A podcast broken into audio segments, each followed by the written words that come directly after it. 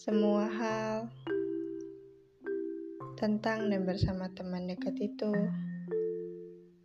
bisa jadi tempat pembelajaran yang paling gak punya batas akhir. Pasti ada aja masalah. Dapat solusi yang lengkap sama pembelajarannya. Tapi kenapa kita sering berputar di masalah yang sama dan solusi yang sama?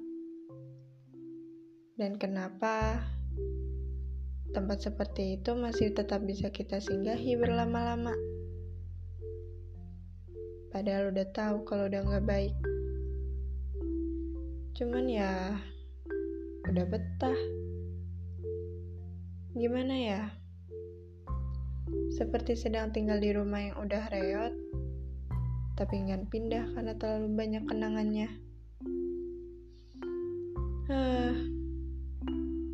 Kalau udah bahas kenangan, gak mungkin dia gak inget masa lalu. Hmm, kalian jadi inget siapa? Semoga ingetnya yang manis-manis ya. Yang seperti gula dalam kopi. Ya manis, tapi tetap aja ada rasa pahitnya. Ya udah gak apa-apa yang udah lewat emang bakal tetap mampir kalau ada yang mengusik walaupun cuma sebiji kacang. Jadi gimana? Masih mau di rumah yang sama, tapi dengan banyak perbaikan yang dibuat sendiri? Atau mau cari rumah baru yang belum tentu bikin betah, tapi udah pasti bisa neduh? Berjalan sambil cari rumah baru, atau cari sesuatu buat perbaiki rumah lama. Mungkin bisa jadi jadwal tubuh untuk beristirahat,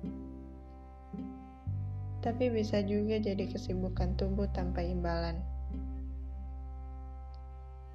Semua emang ada resikonya, tapi resiko bukan hal yang perlu ditakuti karena sering berakhir buruk selama kita bisa cari tahu apa yang terbaik buat diri kita dan mencoba buat bahagiakan diri sendiri sebelum orang lain, masih ada kata "jangan" kok sebelum tergesa itu menentukan pilihannya. thank you